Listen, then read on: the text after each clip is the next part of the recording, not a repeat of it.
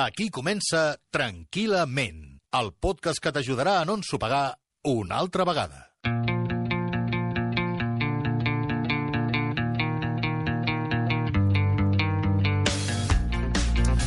Bon dia, bona tarda, bona nit. Avui un cas com un cabàs. Hi ha una expressió catalana que no fem servir prou i és la següent. Aquesta persona t'ha enverinat.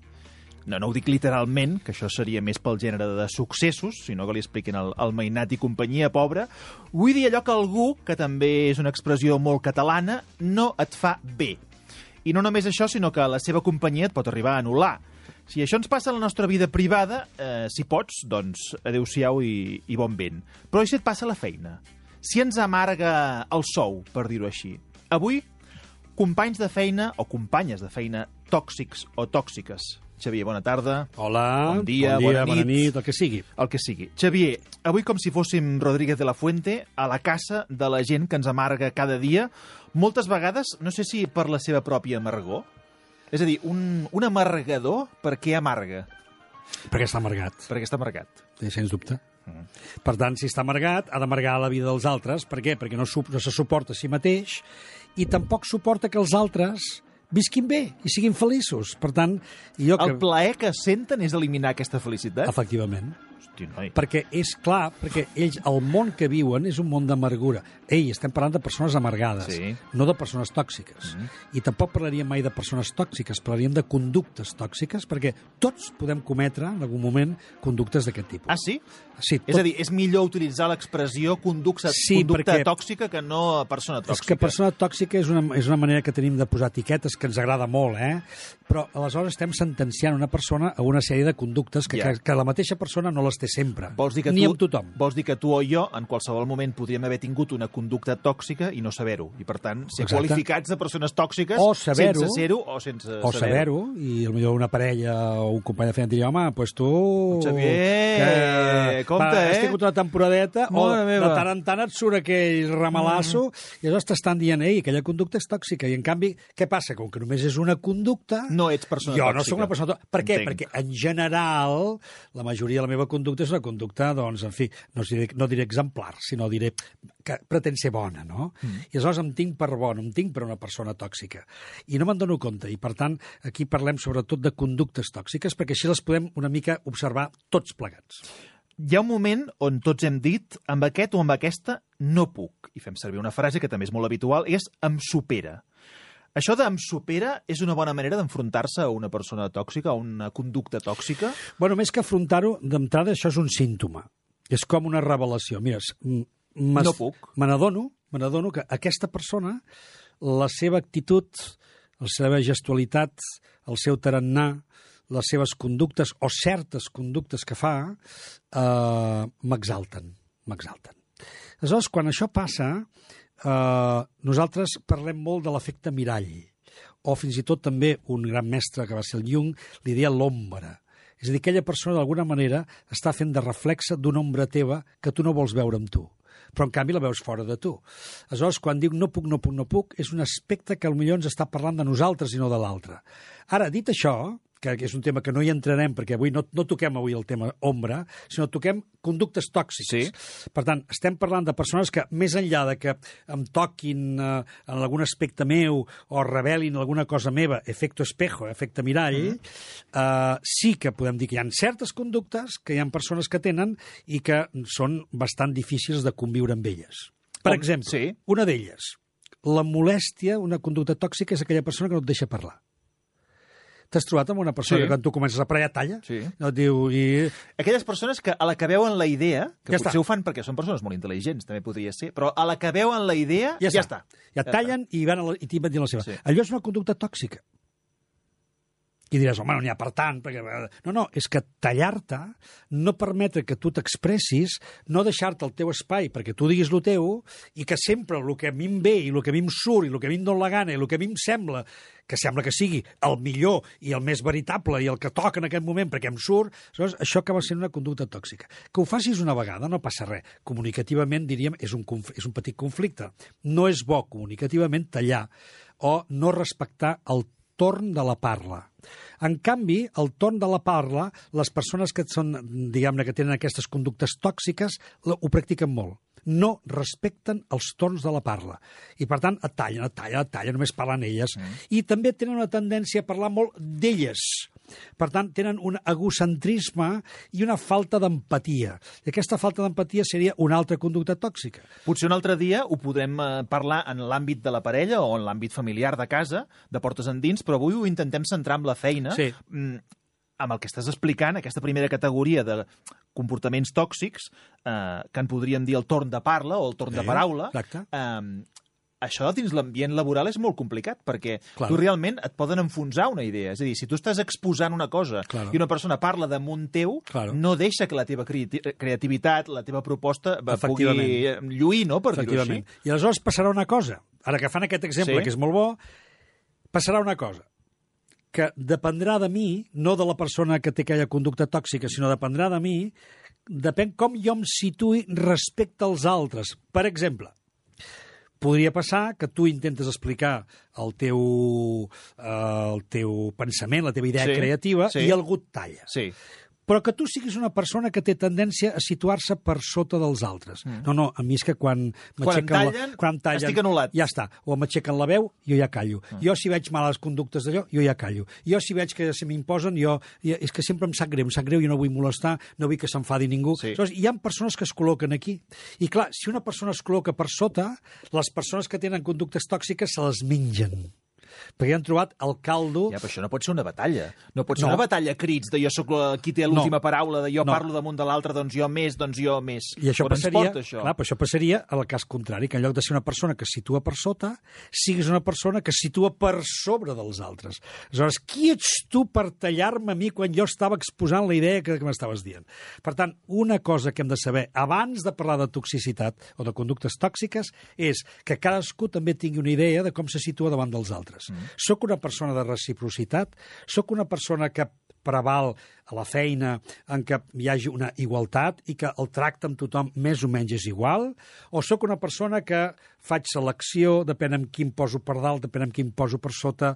És a dir, que això és una de les coses que més ens indicativa ens, ens posa en situació per entendre què farà la conducta tòxica amb aquestes persones. El torn de la parla o el torn de la paraula és la primera. La manca d'empatia és la segona? La manca d'empatia és molt important, perquè, clar, si una persona, en lloc de dir t'entenc, va, comprenc el que dius, Sí. però potser, des del meu punt de vista, o Sí, la potser... teva proposta, eh, eh, aquest document que has presentat, Clar. potser podríem buscar d'una altra manera de fer-ho. O, escolta, Eh, t'agraeixo molt que sí. has dedicat un temps... T'agraeixo molt, però no.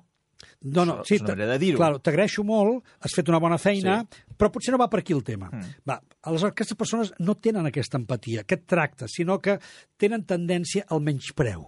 Tenen la tendència a enfonsar. Tenen tendència a això que faré ara.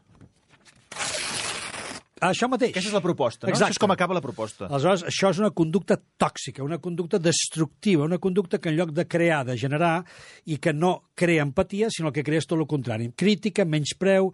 Aleshores, aquestes persones tenen aquesta manera especial, diguem-ne, de parlar. Mm. Quan, quan escoltes una persona que tendeix a tenir conductes tòxiques, escolta-la una estona.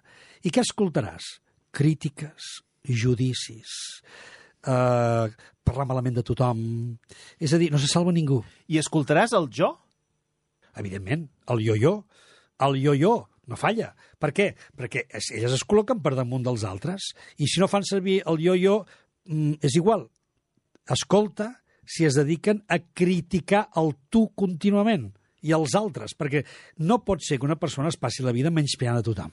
Aleshores, una conducta tòxica Sí. és el menyspreu, la crítica i el judici gratuït. Ara torno de seguida a com identificar aquestes conductes tòxiques, especialment en el món de la feina, però abans eh, he de fer un petit parèntesis perquè m'estàs explicant això i estic esgotat. És a dir, són conductes xucladores, o sigui, són persones que t'acaben amb l'energia, que parlen damunt teu, que sempre són crítiques, que sempre parlen d'ells mateixos. És, és esgotador. I per això parlem de, Esgotador. De toxicitat. Això és un vampir d'energia. Exacte, Això aleshores... és un tema pel Sebastià d'Arbó, gairebé. Exacte. I, I això que estàs dient ara és molt important, perquè aquest és un símptoma que tu pots apreciar per donar-te compte de que t'estan tractant amb una certa toxicitat. Mm. Que és, ai, no ho sé, és que em roba les ganes aquesta persona. És que no tinc ganes ni de contestar-la. Em treu l'alegria de viure. Em treu l'alegria de viure. No tinc ganes... Com... És que, a més a més, em treu l'energia, em sento cansat, em jo, ve son. Mira, prefereixo agafar-m'ho de bon humor, perquè sempre el tarannà d'aquest espai, però, però és, realment, eh, és realment un tema complicat, eh? i especialment en un àmbit laboral. Claro. Resumeixo, eh? el torn de paraula. Estem identificant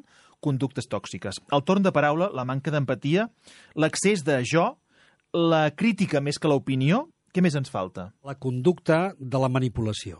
Ah. Quan ja hi ha manipulació, quan veus que la persona t'entabana, quan veus que està creant una conxorxa contra teu, per tant, quan hi ha manipulació, quan hi ha una mena de tractar-te amb doble vara o amb doble cara, és a dir, quan hi ha aquestes conductes que realment són increïbles, que tu dius, no m'ho puc creure no em puc creure que aquesta persona m'estigui eh, assetjant com m'està assetjant. No em puc creure que aquesta persona abusi de mi. No puc creure que aquesta persona m'estigui manipulant. Això són símptomes clars de toxicitat. Ja tenim la peça, ja tenim el, el manipulador identificat, i ara què? Que és la gran pregunta. Clar, aquí... És a dir, partim d'una base que, que som persones que no adoptem aquesta actitud d'entrada que tu ens explicaves abans de submissió total, és a dir, posem un comportament habitual de Sí. dir, ep, a mi no m'agrada que em trepitgin, Sí. què fem? Mira, primer de tot és no t'hi enganxis. Ui, No t'hi però... enganxis. però i, Clar, clar, no és una tentació. Sí, però és una temptació. Si parlen damunt teu, si hi ha poca empatia, si sempre parlen d'ells, no dir-los res, eh, bueno, és molt complicat. Sí, però fes el contrari. Sempre fes el contrari. Això ho vaig aprendre de l'art de la guerra. Però a veure, fes el contrari, si ells parlen de- d'ells, jo parlo de mi, com, com va això? No, no, no parlis de res, dir, no, Ah. no, cal, no cal parlar de, de, de mi, no cal parlar de mi. Senzillament canvia la, canvia la conversa, parla d'una altra cosa. I sobretot fes una cosa molt interessant. Això de l'art de la guerra, eh? No sí, no, l'art de la guerra eh, eh, ve, ve dir, quan l'enemic dirigeix tota l'atenció contra tu, has de fer sempre el contrari del que ell fa. Si l'enemic que sempre porta més avantatge, perquè tu el tòxic no l'esperes, tu que te la foti el tòxic no l'esperes, tu esperes que les persones siguin normaletes, que siguin més aviat bones persones i que el tracte sigui el que hem dit, doncs un tracte amb una certa empatia, amb una certa amabilitat, amb un cert respecte, no t'esperes que te la fotin. I llavors, clar, la sorpresa quan te l'han fotut és tan gran que el primer que et surt és reactivitat. Exacte, exacte. Qui ets tu per dir-me no sé què? Exacte. Això no. No, al contrari. Si tu m'aixeques la veu, jo et parlaré molt fluixet. Xavier, això és un vodevil. No, o sigui, no, no, M'estàs no. explicant No. un vodevil. No, no, Un senyor cridant fort, parlant d'ell mateix, jo fluixet, parlant d'altres temes. i veurà, i veuràs, quina, quina, veuràs quina el temps, convivència és aquesta? Veuràs el temps que triga en baixar. Veuràs l'estona que es queda, perquè es queda sol. És a dir, en canvi, si tu fas el mateix que ell, no només et posa a la seva alçada i, per tant, tu també t'estàs convertint en una persona tòxica, sinó que ja ha trobat l'enemic que buscava. Ha trobat la guerra que O buscava. sigui, la tàctica és la desactivació, La desactivació. I desactivar es pot fer de diferents maneres. Una és fes el contrari. L'altra és, en lloc de justificar-te o haver-li de donar explicacions, fes-li preguntes matxaca-la preguntes. I això que dius, eh, d'on ho treus? I ah, tens aquesta percepció de mi? Ah, molt bé. I, i quan has vist que jo faig això? Però això, és a dir, Xavier, és- matxaca-la preguntes. Però això és una competició de veure qui aguanta més. No, no, bueno, no, és una manera simplement de que l'altre De desactivar. Clar, desactivar, perquè al final es tracta de, de que t'ho prenguis com un joc, això. Sí. Una altra cosa que també pots fer, Sí. regalar-li, de- deixar-li una bona sortida. Deixar una bona sortida significa, a veure, mira, com que això ho tallarem, mm. perquè jo ja no, no tinc ganes de seguir aquesta conversa, Sí. però haig de, haig de trobar alguna, alguna estratègia per donar-te l'última paraula. Mm. Va, digues l'última paraula, no? Mm. Uh, sí, sí, mira, et, et dono la raó. Mira, amb això podria donar-te la raó. I ja, ja està. Perdona, però me n'haig d'anar, deixo. És a dir, dona-li alguna raó o dona-li l'última paraula. Quan hagi fet la gran sentència, digui-li, d'acord, m'ho pensaré. Vinga, fins aquí, adeu. És a dir, deixa'l en una situació honrosa, però marxa. I quan les coses... Marxa de la millor manera possible. Marxa de la millor manera possible. Resum, eh? Marxa de la millor manera possible. I si la cosa és molt greu, perquè estàs Sí. amb una persona realment altament tòxica, abusiva, manipuladora, que a més a més practica totes aquestes toxitats que hem dit, i a més a més et genera aquesta sensació profunda de, de malestar, de, de falta d'energia, de falta d'ànim, aleshores, sincerament, no hi vulguis saber res amb aquesta persona. I si és possible, treu-la de la teva vida. I si és necessari i pots, fins i tot marxa de la feina. Ja sé que el que dic és molt gruixut, però... El que dius és molt complicat Però, i eh, sí, frega sí, ho allò sé, ho sé. impossible, Xavier. Ho sé, ho sé. Perquè aquestes solucions de deixa-ho, plega Sí. o marxa eh, queden molt bé sobre la teoria, però a la pràctica són molt complicades. Sí, doncs, I més en l'àmbit laboral. Abans ho deia. En una parella, si tens aquest marge de maniobra, que fins i tot en una parella pot ser complicat, perquè pot ser la mare o el pare dels teus Sí. fills, difícil, però en una feina que t'hi jugues el sou... Eh, Doncs aquí farem dues coses, eh? dues solucions. Sí. Primera, prepara't a empastillar-te, perquè necessitaràs molta medicina i molta pastilla per poder suportar la situació. O dos, si no pots canviar la situació, has de canviar tu. Per tant, bueno, jo abans, planteja... abans de la pastilla prefereixo canviar jo. Doncs aleshores hauràs de canviar d'actituds i això sempre et toca una mica a la vora viu. Per què? Perquè sempre pensem que el que és tòxic és l'altre, no jo. Ja, jo per què cony haig de canviar els meus costums? Jo per què haig de canviar les perquè coses? jo sóc així, jo tinc la raó, i per què he de canviar jo si el problemàtic és l'altre? Doncs si no canvies tu, la situació es Però per què em mantindrà. fas canviar si, el, si, el problema, si, si, si jo tinc la raó? És- Per què em fas canviar si el problema el té l'altre? Però veus, és que el que estàs dient és el problema el té l'altre i el fet de que jo cregui que el problema el té l'altre ja m'està causant un malestar. Ja m'està tensant, ja ho estic plantejant malament, perquè vol dir que estic veient la cosa fora de mi, quan la solució la tinc en mi. La solució la tinc canviant la meva manera de percebre la situació i de percebre'm a mi i de tenir més habilitats comunicatives, si cal, per poder respondre a la situació. I vull preguntar-te una cosa que m'interessa molt. Serveix d'alguna cosa que jo li digui a aquesta persona tòxica, ets tòxic? Canvia l'actitud, canvia de manera de ser? O les actituds són tan difícils de vegades d'apreciar que no ens servirà de res? Bueno, és, és, és, és uh, allò que en diem llu, llumins a la benzina. Tu vols posar un llumí a la benzina, doncs posa un llumí a la Però i benzina. si aconsegueixo un canvi de caràcter? Uh, no, jo no, Si no conec, aconsegueixo una reflexió d'aquesta persona? mira, no conec a ningú que hagi canviat perquè tu has volgut que canvi. És duríssim, això, eh? Vols dir? No conec a ningú. Home, però ni que sigui petites coses. No. Canvies quan notes i perceps que ets acceptat. Però mentre tu et volen canviar, el primer que et sortirà és una resistència a canviar. Només pel fet de que volen que facis alguna que tu no vols, que pensis alguna que tu no vols o que siguis alguna que ningú t'ha dit que has de ser. És a dir, que si vull empitjorar la situació, he d'anar a buscar aquesta persona i dir-li, miri, vostè és tòxic o tòxica. Sí. Ara, hi ha gent que ho fa, eh? Hi ha gent que ho fa, però aleshores has de tenir la, la, la capacitat de sostenir les conseqüències, que és quedar-me tan ample. T'ho dic, em quedo tan ample i si em ve alguna cosa ja l'afrontarem. Per tancar l'inici del programa, que parlàvem d'expressions catalanes, d'això se'n diu tenir l'espatlla ampla. Per exemple. És això? Exacte. I això hi ha persones que ja tenen el costum de, de tenir-les molt amples, han après, s'han educat, suposo que per practicar-ho moltes vegades, a tenir-les molt amples, la majoria de la gent no les té, Doncs eh, fer gimnàs i eh, eixamplar-nos l'espatlla. per exemple. Gràcies, Xavier. Gràcies a tu. Heu escoltat Tranquil·lament. Si no heu entès res, no és problema vostre.